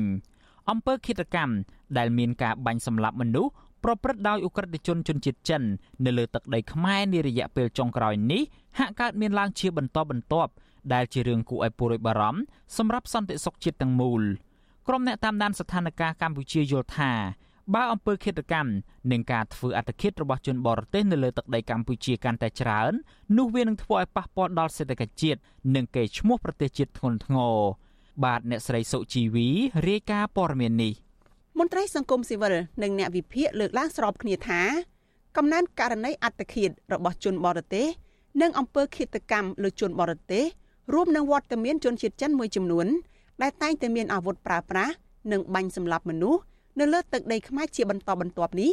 គឺជាការគំរាមកំហែងធ្ងន់ធ្ងរដល់សន្តិសុខសុវត្ថិភាព របស់ប្រជាពលរដ្ឋទូទៅនិងអ្នកវិនិយោគល្អៗដែលចង់មកធ្វើអាជីវកម្មជំនួញនៅកម្ពុជានាយកទទួលបន្ទុកទូទៅនៃអង្គការសិទ្ធិមនុស្សលីកាដូលោកអំសំអាតលើកឡើងថាបាជនបរទេសនៅកម្ពុជាមួយចំនួននៅតែអាចបង្កអសន្តិសុខសង្គមដូចជាការបាញ់បោះគ្នាដោយសេរី ករណីឃាតកម្មនិងករណីជនបរទេសធ្វើអត្តឃាតជាដើមនោះរដ្ឋាភិបាលនឹងរងការរិះគន់ពីការគ្រប់គ្រង និងការពារសុខសុវត្ថិភាពក្នុងប្រទេសគ្មានប្រសិទ្ធភាព។ បញ្ហាទាំងអស់នេះបើសិនជាកើតឡើងច្រើនវាបង្កឲ្យមានបញ្ហាអសន្តិសុខដែលបង្កឲ្យមានការភ័យខ្លាចសម្រាប់ពលរដ្ឋទូទៅទោះបីជាការអត្តឃាតដោយជនបរទេសក៏ដោយអញ្ចឹងវាប៉ះពាល់ច្រើនវាជាអតិពលមិនល្អទេបើសិនជាករណីនេះកើតមានច្រើនហើយបន្តកើតឡើងហើយមួយទៀតក៏វាអាចជះឥទ្ធិពលសម្រាប់ការវិនិយោគភ្ញៀវទេសចរផ្សេងៗទៀតដែរចំណែកឯអ្នកវិភាគនយោបាយលោកកឹមសុខវិញមើលឃើញថា កំណើននៃអំពើឃាតកម្មដែលបង្កឡើងដោយជនបរទេសជាពិសេសជនជាតិចិន នៅតែកើតមានជាហូរហែលោកថាករណីជនជាតិចិនអាចមានកំភ្លើងបាញ់សម្លាប់មនុស្សតាមអំពើចិត្តនៅកម្ពុជាដោយគ្មានអាជ្ញាធរណាស៊ើបអង្កេតឆ្លុះបញ្ចាំងឲ្យឃើញថារដ្ឋាភិបាលលោកហ៊ុនសែនកំពុងដឹកនាំប្រទេសដែលបណ្ដាលឲ្យជនបរទេសប្រព្រឹត្តបទឧក្រិដ្ឋឬធ្វើអាជីវកម្មខុសច្បាប់ដោយចំហលោកសោកស្ដាយដែលកម្ពុជាជាប្រទេសមានធនធានធម្មជាតិនិងវប្បធម៌ល្អប្រពៃ ប៉ុន្តែបច្ចុប្បន្នคล้ายទៅជាទីតាំងសម្រាប់អ ுக ្រិតជនប្រព្រឹត្តបទល្មើសនិងធ្វើជំនួញមិនស្របច្បាប់តាមទំនឹងចិត្តទៅវិញពីព្រោះអំពើឃាតកម្មប្រភេទប្រហារគ្នាលោតសម្លាប់ខ្លួនពីលើអាគារមិនដឹងមូលហេតុ ហហើយកាន់តែច្រើនឡើងមិនមែនមានន័យសមត្ថកិច្ចមិនដឹងការពិតនោះទេក៏ប៉ុន្តែ សមត្ថកិច្ចដឹងថាវាជាអំពើរបស់ពួក mafia និយមហើយពួកនោះអាចមានឥទ្ធិពលធំទៅលើសមត្ថកិច្ចផងរឿងបែបហ្នឹងវាច្រើនតែកើតមានឡើងនៅក្នុងទឹកដីនៃតំបន់ mafia និយមដូចជានៅម៉ាកាវជាដើមឆ្លើយតបនឹងការលើកឡើងនេះអ្នកនាំពាក្យគណៈកម្មាធិការសិទ្ធិមនុស្សរបស់រដ្ឋាភិបាលលោកកតាអូនប្រាប់វិទ្យុអាស៊ីសេរីថា រដ្ឋាភិបាលមិនចង់ឃើញរូបភាពអំពើឃាតកម្មឬអត្តឃាតរបស់ជនបរទេសនៅកម្ពុជាទេលោកថាការលើកឡើងនៅក្តីកង្វល់របស់មន្ត្រីសង្គមស៊ីវិលនិងអ្នកវិភាគគឺជារឿងមួយប៉ុន្តែទន្ទឹមគ្នានេះលោកអំពីវនៅដល់ភាគីពាក់ព័ន្ធថាត្រូវមានកិច្ចសហការល្អជាមួយសមត្ថកិច្ចប្រសិនបើបានដឹងតម្រុយថាជនបរទេសណា ដែលតែងតែបង្កអសន្តិសុខសង្គមនៅកម្ពុជា ដូច្នេះហើយអ្វីដែលសំខាន់គឺថាវាអភិបាលតែងតែអំពាវនាវបងប្អូនគ្រប់វិនិការគ្រប់សពទាំងអស់ឲ្យចូលរួមជាមួយសមត្ថកិច្ចនៅក្នុងការសហការគ្នាជាមួយសមត្ថកិច្ចនៅក្នុងយុទ្ធនាការប្រយុទ្ធប្រឆាំងចំពោះជនបរទេសដែលបង្កបាត់ល្មើសនៅកម្ពុជាក៏ដូចជាជនជាតិណាណាទាំងអស់ដែលបង្កបាត់ល្មើសនៅកម្ពុជានេះគឺជាបញ្ហារួមរបស់សង្គមដែលយើងទាំងអស់គ្នាត្រូវរួមគ្នានៅក្នុងការទប់ស្កាត់បាត់ល្មើសបាទទោះជាយ៉ាងណាក៏ដោយក្រមអក្រិតជនជនជាតិចិនមួយចំនួន នៅតែអាចដកកាំភ្លើងបាញ់សម្លាប់មនុស្សនៅទីសាធារណៈជាបន្តបន្ទាប់នៅលើទឹកដីខ្មែរលើសពីនេះជនជាតិចិនទាំងនោះក៏ពួកគេមិនញញើតច្បាប់នៅកម្ពុជាឡើយត្បិតករណីខ្លះក្នុងពេលសមត្ថកិច្ចចុះបង្ក្រាបក្រុមជនទាំងនោះថែមទាំងបានដកកាំភ្លើងបាញ់តដៃជាមួយសមត្ថកិច្ចទៀតផងកាលពីយប់ថ្ងៃទី15ខែមិថុនាកន្លងទៅនៅខេត្តប្រសេះអនុក្រុមអក្រិតជនជនជាតិចិននិងវៀតណាមមានគ្នាជាង10នាក់បានទាស់ពាក្យសម្ដីជាមួយអ្នករត់ម៉ូតូកង់3ជាខ្មែរម្នាក់ ហើយបានដកកំភ្លើងបាញ់ភ្ជុងអ្នករត់កង់3រូបនោះក្រុមជនបរទេសទាំងនោះបានដកកំភ្លើងបាញ់រះលើក្រុមសមត្ថកិច្ចពេលចុះបង្ក្រាបដែលបណ្ដាលឲ្យសមត្ថកិច្ចម្នាក់របួសធ្ងន់ដោយឡែកកាលពីយប់ថ្ងៃទី30ខែកក្កដានៅខេត្តប្រសេះហនុដែរជនជាតិចិនម្នាក់បានបាញ់សម្លាប់ជនជាតិចិនដូចគ្នា2នាក់ឲ្យស្លាប់នៅនឹងកន្លែងក្នុងពេលដែលជនជាតិចិនជាង10នាក់បានឆ្លោះទាស់តែងគ្នារឿងអាជីវកម្មរបស់ពួកគេរំលងបាន10ថ្ងៃពីករណីអំពើឃាតកម្មនោះ គឺកាលពីរំលងអាត្រាតចូលថ្ងៃទី9ខែសីហាជនជាតិចិនម្នាក់ត្រូវជនជាតិចិនដូចគ្នាបាញ់សម្លាប់នៅក្នុងរថយន្តនិងម្នាក់ទៀតបានរងរបួសតែយ៉ាងណាជនប្រព្រឹត្តល្មើសបានស្លាប់ទាំង3នាក់ដោយបានបើកឡានបុកបង្គោលភ្លើងក្រោយបានបាញ់តដៃជាមួយសមត្ថកិច្ចខេត្តប្រសិទ្ធអនុដែលដេញតាមពួកគេករណីមួយទៀតកើតឡើងនៅភ្នំពេញកាលពីថ្ងៃទី28ខែសីហាគឺមានជនជាតិចិន3នាក់ដេកស្លាប់នៅក្នុងថ្លុកឈាម ក្រោយជនជាតិចិនមួយក្រុមដកកំភ្លើងបាញ់នៅពេលមានចំនួននឹងគ្នា ក្នុងពេលនោះសមត្ថកិច្ចបានរឹបអូសកំភ្លើងខ្លីចំនួន2ដើម និងគ្រឿងញៀនមួយចំនួនផងក្រៅពីករណីទាំងនេះក៏មានករណីជនបរទេសជាពិសេសជនជាតិចិនលោតពីលើអាគារសម្រាប់ខ្លួនឯងជាញឹកញយដែរកាលពីថ្ងៃទី2ខែកញ្ញាជនជាតិចិនម្នាក់បានលោតពីលើសន្តាគារអន្តរជាតិជនហៅបណ្ដាលឲ្យរងរបួសធ្ងន់ សមត្ថកិច្ចខេត្តប្រសិទ្ធអនុអះអាងថានេះគឺជាករណីបង្ខាំងមនុស្សតាមសេចក្តីរាយការណ៍របស់សារព័ត៌មានអន្តរជាតិមួយចំនួនឲ្យដឹងថាមូលហេតុដែលជនជាតិចិនឬជនបរទេសមួយចំនួនតែងតែលោតសម្លាប់ខ្លួនពីលើអាគារជាញឹកញយមកនេះក៏ព្រោះតែពួកគេគឺជាជនរងគ្រោះត្រូវបានអ ுக ្រិតជនចាប់បង្ខាំងថែមទាំងធ្វើទរណកម្មលើពួកគេផងទើបជនបរទេសទាំងនោះមិនអាចទ្រាំទ្របានក៏បញ្ចប់ជីវិតខ្លួនឯងដោយលោតពីលើអាគារ វិទ្យុអាស៊ីសេរីមិនអាចតាក់ទងណែនាំពាក្យក្រសួងមហាផ្ទៃលោកខៀវសុភ័ក្រនិងស្នងការនគរបាលខេត្តប្រសេះអនុលោកជួននរិនដើម្បីសាកសួរបន្ថែមពីបញ្ហានេះបាននៅឡើយទេចំណែកប្រធានអង្គភិបអ្នកនាំពាក្យរដ្ឋាភិបាលលោកផៃស៊ីផាន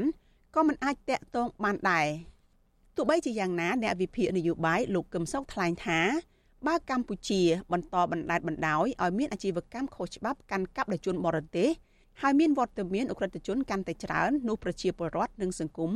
នឹងរងផលប៉ះពាល់ធ្ងន់ធ្ងរដោយជាមិនរួចឡើយត្បិតលោកថាអ ுக ្រិតជនទាំងនោះមានឥទ្ធិពលជាងសមត្ថកិច្ចដែលមានទួនាទីបង្ក្រាបលើពួកគេតែទោះជាយ៉ាងណាលោកកឹមសុខអំពាវនាវដល់ប្រជាពលរដ្ឋឲ្យមានការប្រុងប្រយ័ត្នចំពោះបទល្មើសអ ுக ្រិតនៅកម្ពុជា ហើយពលរដ្ឋគួរតែប្រើសិទ្ធិតវ៉ាប្រឆាំងភាពអយុត្តិធម៌គ្រប់វិស័យនិងត្រូវជំរុញឲ្យមានការផ្លាស់ប្តូរការដឹកនាំប្រទេសបែបប្រជាធិបតេយ្យទើបកម្ពុជាអាចមាននីតិរដ្ឋពិតប្រាកដ នាងខ្ញុំសុជីវី With you Azizi Serai ពីរដ្ឋធានី Washington thank you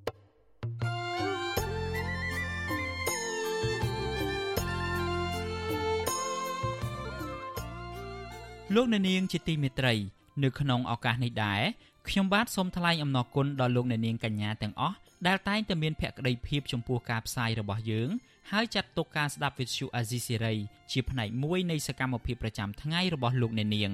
គឺការគ្រប់គ្រងរបស់លោកអ្នកនាងនេះហើយដែលធ្វើឲ្យយើងខ្ញុំមានទឹកចិត្តកាន់តែខ្លាំងថែមទៀតនៅក្នុងការស្វែងរកនិងផ្តល់ព័ត៌មានជូនលោកអ្នកនាងមានអ្នកស្ដាប់អ្នកទស្សនាកាន់តែច្រើនកាន់តែធ្វើឲ្យយើងខ្ញុំមានភាពស្វាហាប់មោះមុតជាបន្តទៅទៀតយើងខ្ញុំសូមអរគុណទុកជាមុនហើយសូមអញ្ជើញលោកអ្នកនាងកញ្ញាចូលរួមជំរុញឲ្យសកម្មភាពផ្តល់ព័ត៌មានរបស់យើងនេះឲ្យកាន់តែជោគជ័យបន្ថែមទៀត លោកអ្នកនាងអាចជួយយើងខ្ញុំបានដោយគ្រាន់តែចុចចែករំលែកឬ share ការផ្សាយរបស់យើងនៅលើបណ្ដាញសង្គម Facebook និង YouTube ទៅកាន់មិត្តភ័ក្តិដើម្បីឲ្យការផ្សាយរបស់យើងបានទៅដល់មនុស្សកាន់តែច្រើន បាទសូមអរគុណ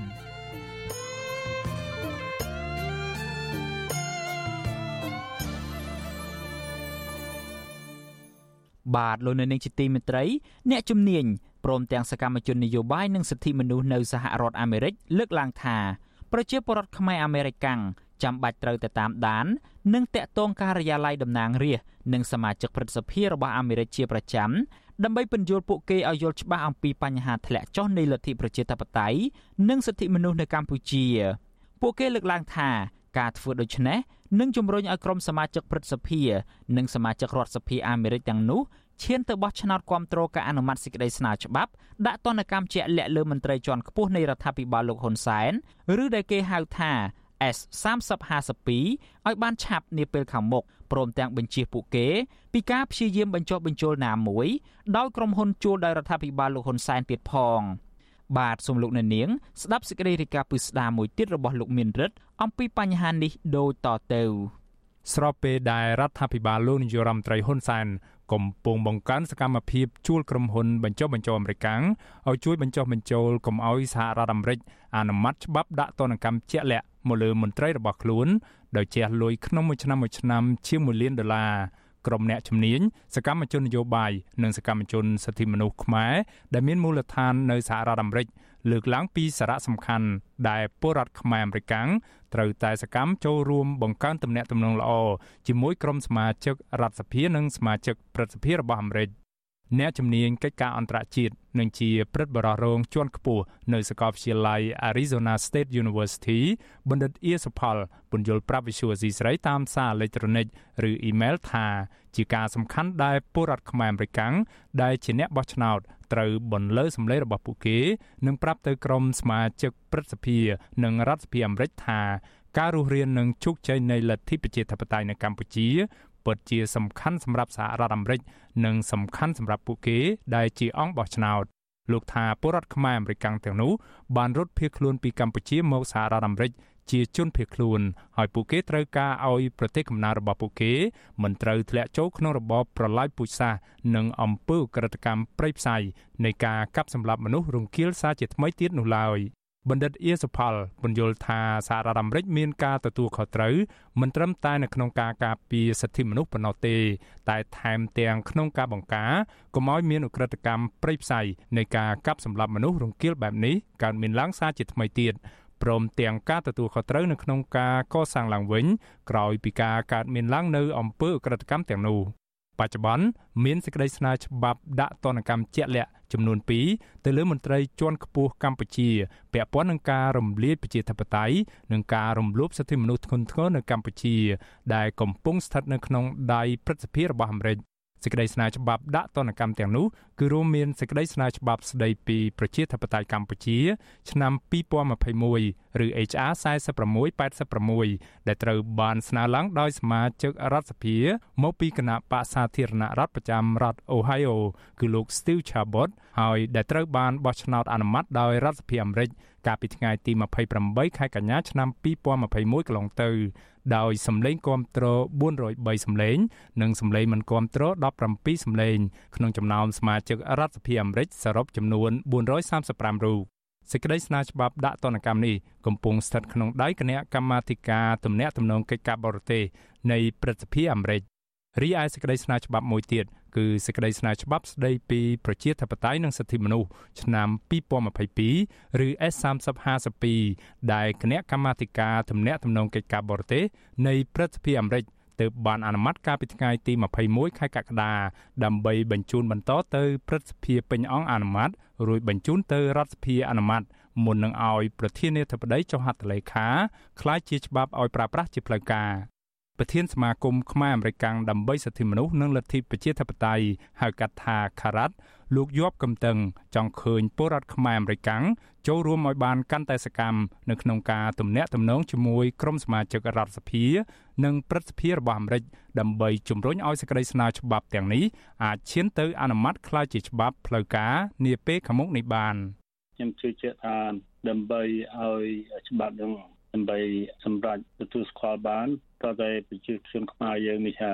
ខំប្រាស់ខ្នែងដើម្បីទៅសរសេរសម្បត្តិទៅតកតងនឹងសមាជិកប្រសិទ្ធិនឹងតទៅមុខទៀត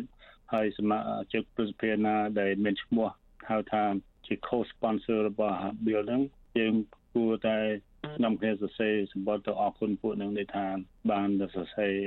ច្បាប់នឹងបានពួកយើងនៅខាងក្រៅនេះបានធ្វើ petition ដែរនេះថានៅក្នុង website របស់យើងហៅថា karat.org គឺបងប្អូនចង់សរសេរ petition ទាំងសម្បត្តិទៅរដ្ឋសភាសូមទៅ sign petition នឹងបានលោកយប់កំតឹងយល់ឃើញថាជាការសំខាន់ដែលក្រមពលរដ្ឋខ្មែរអមេរិកចាំបាច់ត្រូវតាមដានសកម្មភាពរបស់សមាជិករដ្ឋសភា និងព្រឹទ្ធសភាអាមេរិកជាពិសេសសមាជិករដ្ឋសភាអាមេរិកចំនួន17រូបដែលមិនបានបោះឆ្នោតគាំទ្រសេចក្តីស្នើច្បាប់ដាក់ទណ្ឌកម្ម HR 4686កាលពីនៅរដ្ឋសភាកាលពីពេលកន្លងទៅ ឥឡូវនេះពួកយើងខ្ញុំឃើញពួកយើងធ្វើការបណ្ដាញគ្នាចេះតែកើនឡើងកើនឡើង ពេលណាយើងឃើញអញ្ចឹងយើងនឹងជួយផ្សាយទៅប្រាប់ប្រជាជនខ្មែរឲ្យប្រជាជនខ្មែរអាមេរិកជ្រាបដឹងដើម្បីធ្វើម៉េចកុំឲ្យបោះឆ្នោតឲ្យពួកហ្នឹងឬមួយក៏ប្រាប់តំណាងរាស្ត្រអស់ហ្នឹងថានេះថាថាគាត់ធ្វើអញ្ចឹងជាការយកខុសមិនត្រឹមត្រូវហើយថាមិននាំឲ្យមានយុទ្ធធម៌ទៅប្រទេសខ្មែរមកហើយតែយើងនឹងក្រៅគួរតែខំផ្សាយតាមរយៈឬមួយក៏តាម Facebook Live មួយក៏ Zoom អី ចលងចលងឲ្យប្រជាជនខាងលើស្រមដូចនេះដឹងបាទ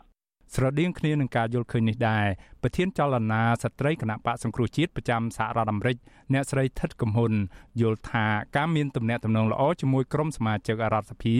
និងព្រឹទ្ធសភាអាមេរិកនឹងចូលរួមចំណែកជួយឲ្យពួកគេយល់ឃើញច្បាស់ពីភាពចាំបាច់ដែលកម្ពុជាត្រូវមានលទ្ធិប្រជាធិបតេយ្យពិតប្រាកដ ហើយបញ្ជាពួកគេពីការបញ្ចុះបញ្ចូលណាមួយដោយក្រុមហ៊ុនបញ្ចុះបញ្ចូលដែលជួលដោយរដ្ឋាភិបាលលោកនាយរដ្ឋមន្ត្រីហ៊ុនសែន សមាជិកសភាកាលពីបោះឆ្នោតនៅ46 86ហ្នឹងគឺគាត់មាន17នាក់ដែលមិនបានបោះឆ្នោតឲ្យយើងហើយ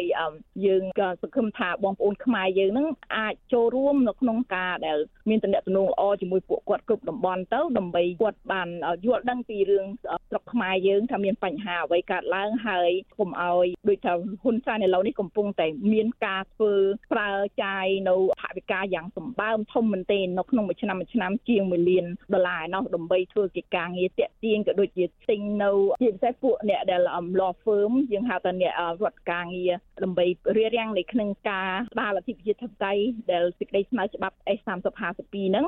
អ្នកស្រីថិតកំហ៊ុនយល់ថាភាពសកម្មរបស់ពលរដ្ឋខ្មែរអាមេរិកជាពិសេសក្នុងពេលដែលសហរដ្ឋអាមេរិកកំពុងត្រៀមរៀបចំការបោះឆ្នោតពាក់កណ្ដាលអាណត្តិនៅដើមខែវិច្ឆិកាឆ្នាំនេះ នឹងធ្វើឲ្យក្រុមអ្នកធ្វើគោលនយោបាយឬក្រុមអ្នកធ្វើច្បាប់អាមេរិកឈឺឆ្អាលពីបញ្ហារបស់កម្ពុជា និងជួយគ្រប់គ្រងការស្ដារលទ្ធិប្រជាធិបតេយ្យនៅកម្ពុជាឡើងវិញ ចឹងចូលរួមទាំងអស់គ្នាដោយខលតំណាក់តំណងហើយមានការតាក់ទងចូលរួមជាពិសេសនៅក្នុងការស្ម័គ្រចិត្តបើបងប្អូនអាចមានពេលស្ម័គ្រចិត្តនៅក្នុងការចូលរួមដែលនៅក្នុងឥឡូវនេះគេកំពុងតែមានការបោះឆ្នោតនៅក្នុងការរើសនៅតំណាងរបស់គេដើម្បីឈរជាព្រឹទ្ធសភាទាំងអស់ហ្នឹងគឺបងប្អូនអាចចូលរួមទៅធ្វើនៅយុទ្ធនាការក៏ដូចជាចូលរួមស្ម័គ្រចិត្តដើម្បីមានការគ្រប់គ្រងហើយក៏មានទំនាក់ទំនងល្អជាមួយគេបើយើងមានទំនាក់ទំនងល្អជាមួយនឹងព្រឹទ្ធសភាក៏ដូចជាសមាជិកព្រឹទ្ធសភាពេលនោះនៅក្នុងសហគមន៍ខ្មែរយើងគឺគេអាចចូលរួមឈឺឆ្អាលជាមួយនឹងកិច្ចការងារក្នុងនាមគេជាតួនាទីរបស់គេគេមកបម្រើបងប្អូនប្រជាពលរដ្ឋខ្មែរយើងចាអញ្ចឹងចូលរួមទាំងអស់គ្នាដើម្បីស្ដារលទ្ធិប្រជាធិបតេយ្យចាថ្មីថ្មីនេះក្រុមសមាជិកព្រឹទ្ធសភានិងរដ្ឋសភាអាមេរិកយ៉ាងហោចណាស់ជិត10រូបបានមកបំពេញទស្សនកិច្ចដាច់ដោយឡែកពីគ្នានៅកម្ពុជា ជាបន្តបន្ទាប់ដ៏កម្រមិនធ្លាប់មានពីមុនមក អ្នកនាំពាក្យគណៈបកកណ្ដាលអំណាចគឺគណៈបកប្រជាជនកម្ពុជាលោកសុកអេសានអះអាងប្រាប់វិសុវស៊ីស្រីថាគណៈបករបស់លោកមិនចាំបាច់បញ្ចុះបញ្ចូលឲ្យសហរដ្ឋអាមេរិកកុំដាក់ទណ្ឌកម្មជាក់លាក់មកលើមន្ត្រីជាន់ខ្ពស់កម្ពុជាឡើយខ្ញុំយល់ថាដូចមិនបាច់បញ្ចុះបញ្ចូលអីទេបើគាត់មកឃើញការពិតហើយគាត់និយាយការពិតហើយគាត់យល់ពីការពិតហើយខ្ញុំយល់ថាចេតនាដែលដាក់ទណ្ឌកម្មហ្នឹងវាមិនមានតទៅទៀតទេបាទ បើទោះបីជារឿយៗលោកនាយរដ្ឋមន្ត្រីហ៊ុនសែននិងក្រុមមន្ត្រីរបស់លោកតែងប្រើវោហារសាស្ត្រឌឺដងមិនខ្លាចឬពន្យុះឲ្យសហរដ្ឋអាមេរិកប្រញាប់ធ្វើច្បាប់ដាក់ទណ្ឌកម្មជាក់លាក់មកលើរដ្ឋាភិបាលរបស់លោកយ៉ាងណាក៏ដោយក្តីក៏នៅពីក្រោយឆាកឯនោះវិញមន្ត្រីរបស់លោកជាពិសេសមន្ត្រីឯកអគ្គរដ្ឋទូតរបស់លោកប្រចាំសហរដ្ឋអាមេរិក បានខ្វាត់ខ្វែងចាត់ចែងជួលក្រុមហ៊ុនអាមេរិកកាំងឲ្យជួយបញ្ចុះបញ្ចូលមន្ត្រីរដ្ឋាភិបាលសហព័ន្ធសហរដ្ឋអាមេរិកនិងក្រុមអ្នកធ្វើគោលនយោបាយអាមេរិកកាំងកុំឲ្យធ្វើច្បាប់ដាក់ទណ្ឌកម្មជាក់លាក់លើរដ្ឋាភិបាលរបស់លោក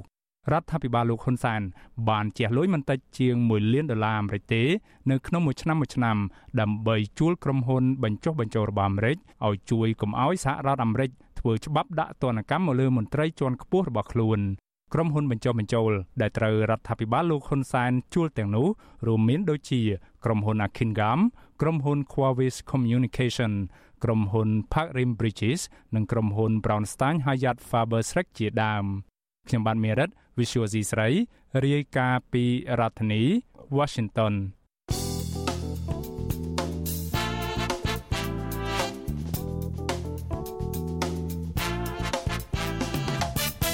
លោកអ្នកនាងកំពុងស្ដាប់ការផ្សាយរបស់ Vuthu Azizi Serai ពីរដ្ឋធានី Washington នៃសហរដ្ឋអាមេរិកតកតងនឹងបញ្ហាជីវភាពរបស់ពលរដ្ឋវិញប្រជាពលរដ្ឋប្រមាណ20គ្រួសាររស់នៅឃុំព្រែកនរិនស្រុកឯកភ្នំខេត្តបាត់ដំបងនៅតែបន្តដាំដើមក្រចៅដើម្បីកោតយកសម្បកលក់សម្រាប់ដោះស្រាយជីវភាពគ្រួសារក្រៅពីរបរធ្វើស្រែចម្ការ តែទោះជាយ៉ាងណា ពួកគាត់អះអាងថា របរនេះអាចនឹងបាត់បង់ពីព្រោះក្រចៅមិនសូវមានទីផ្សារនិងតម្រូវការតិចមន្ត្រីអង្គការសង្គមស៊ីវិលលើកឡើងថារដ្ឋាភិបាលនិងក្រសួងពាក់ព័ន្ធមានភារកិច្ចនៅក្នុងការរកទីផ្សារក្រចៅជូនប្រជាពលរដ្ឋនិងធ្វើយ៉ាងណាផ្សព្វផ្សាយទៅកាន់មហាជនឲ្យយល់ដឹងពីគុណតម្លៃនិងសារៈប្រយោជន៍នៃផលិតផលធម្មជាតិមួយនេះបាទសំលោកអ្នកនាង ស្ដាប់សេចក្តីរាយការណ៍មួយទៀតរបស់អ្នកស្រីសុជីវី អំពីរឿងនេះដូចតទៅ ក្រចៅជារុក្ខជាតិមានដើមទំហំប៉ុនម្រាមដៃឬធំជាងនេះនិងមានកម្ពស់ប្រហែលពី2ម៉ែត្រទៅ3ម៉ែត្រដុះនៅលើដីទួលប្រប្រាស់ទឹកប្រជាជនខ្មែរនិយមយកក្រចៅទៅធ្វើជាខ្សែចងឬវិញជាខ្សែពួរត្បាញអង្រឹងកន្ទេលនិងសម្បកបាវព្រោះក្រចៅជារុក្ខជាតិមានសម្បកស្វិតបើទោះបីជាក្នុងពេលបច្ចុប្បន្នមានផលិតផលជាច្រើនចំនួនផលិតផលចេញពីដំណាំមួយនេះក្តីតែនៅមានប្រជាពលរដ្ឋមួយចំនួននៅក្នុងភូមិចំនួន4 នៃឃុំព្រែកនរិនស្រុកឯកភ្នំ បន្តដាំក្រចៅកោតយកសម្បកឬក្រចៅកោតលក់រកប្រាក់ចំណូលបន្ទាប់បន្សំពីធ្វើស្រែចម្ការពលរដ្ឋនៅភូមិបាក់រទេសឃុំព្រែកលួងលោករិទ្ធិសុនប្រាប់វិទ្យុអាស៊ីសេរីឲ្យដឹងនៅថ្ងៃទី7ខែកញ្ញាថា គ្រួសារលោកនិងអ្នកភូមិក្បែរខាង បន្តដាំដំណាំនេះព្រោះវាចំណាយផ្ទៃដីដាំដុះតិចងាយស្រួលថែទាំ និងទទួលបានផលច្រើនជាងស្រូវ លោកបន្តថាថ្មីត្បិតតែរុក្ខជាតិមួយនេះអំណោយផលក្នុងការដាំដុះក៏ពិតមែនតែលោកកាត់បន្ថយដាំដែរព្រោះមិនសូវមានទីផ្សារនិងមានតម្លៃថោកលោកថាតម្លៃក្រចៅកោតស្ងួតបច្ចុប្បន្នមានតម្លៃត្រឹមតែ8000រៀលប៉ុណ្ណោះនៅក្នុង1គីឡូក្រាមខណៈកាលពីអំឡុង3ទៅ4ឆ្នាំមុនក្នុង1គីឡូក្រាមមានតម្លៃ12000រៀលថាមានគេទិញ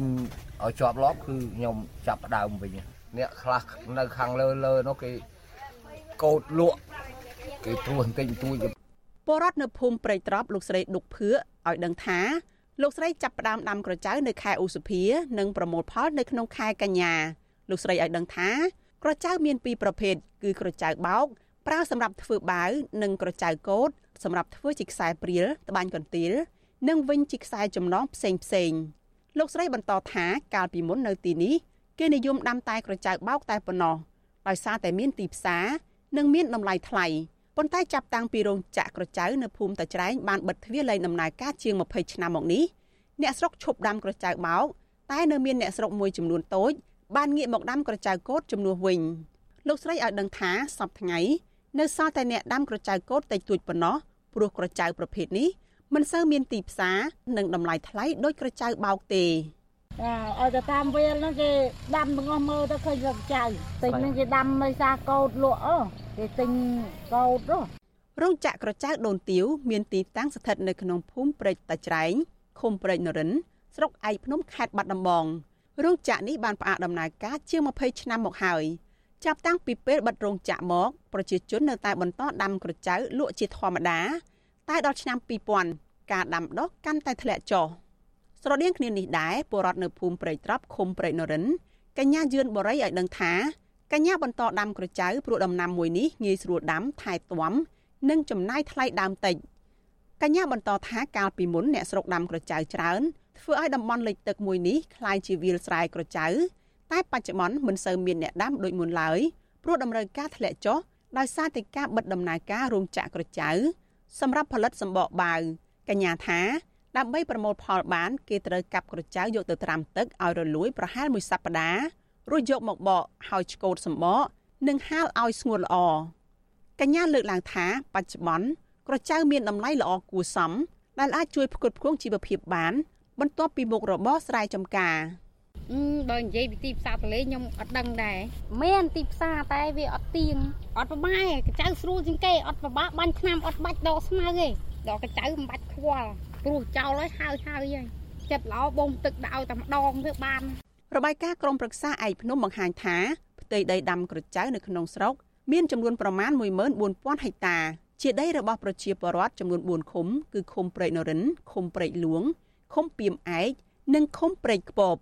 ក្នុងនោះឃុំដែលមានផ្ទៃដីដាំក្រចៅច្រើនជាងគេគឺនៅឃុំព្រែកនរិននិងឃុំព្រែកលួង តែកតិនរឿងនេះជំទប់ទី2ឃុំព្រែកនរិនស្រុកឯភ្នំលោកសុកសុភ័ក្រឲ្យដឹងថាពលរដ្ឋភៀកច្រើនបោះបង់របរដាំក្រចៅនេះដោយសាររោងចក្រក្រចៅបិទដំណើរការកាលពីជាង20ឆ្នាំមុននិងម្យ៉ាងទៀតដោយសារការប្រើប្រាស់ស្បោងការ៉ុងនិងផ្លាស្ទិកកើនឡើងនិងមានតម្លៃថោកជាងបាវធ្វើពីក្រចៅលោកបញ្ជាក់ថាក្រោយពីរោងចក្រផលិតបាវក្រចៅនៅភូមិព្រៃតាច្រែងបិទដំណើរការមក តម្រូវការក្រចៅក៏ធ្លាក់ចុះខ្លាំងធ្វើឲ្យកសិករ បដូរមកដាំស្រូវនិងដំណាំចម្ការវិញម្ដងលោកបន្តថាបច្ចុប្បន្នមានប្រជាពលរដ្ឋនៅក្នុងឃុំព្រៃនរិនប្រមាណជាង20គ្រួសារប៉ុណ្ណោះដែលនៅបន្តដាំក្រចៅនេះទន្ទឹមគ្នានេះដែរអាជ្ញាធរក៏នៅមិនទាន់មានផែនការដើម្បីសិក្សា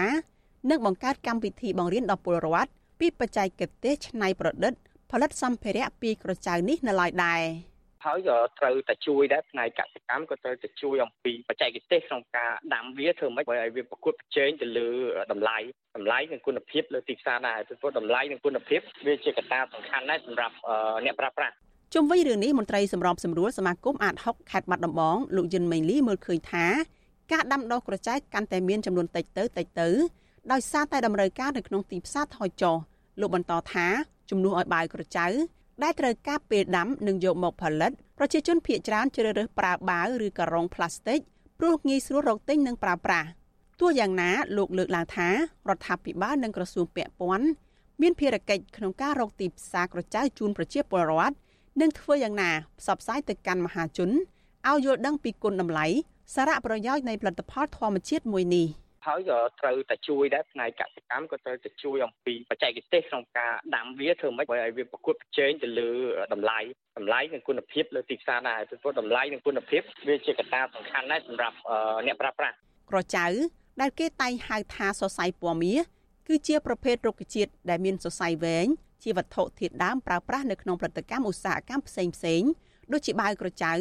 និងសម្ភារៈប្រើប្រាស់នៅក្នុងផ្ទះបាយមួយចំនួនទៀត ដំណាំនេះមានដាំនៅលើទឹកដីកម្ពុជាតាំងពីឆ្នាំ1960មកម្ល៉េះប៉ុន្តែក្រោយមកឧស្សាហកម្មក្រចៅនៅកម្ពុជាបានផ្អាកដំណើរការធ្វើឲ្យកសិករមួយចំនួនធំងាកមកដាំស្រូវនិងដំណាំចម្ការជំនួសវិញនេះខ្ញុំសុជីវី With you Azizi Saray ពីរដ្ឋធានី Washington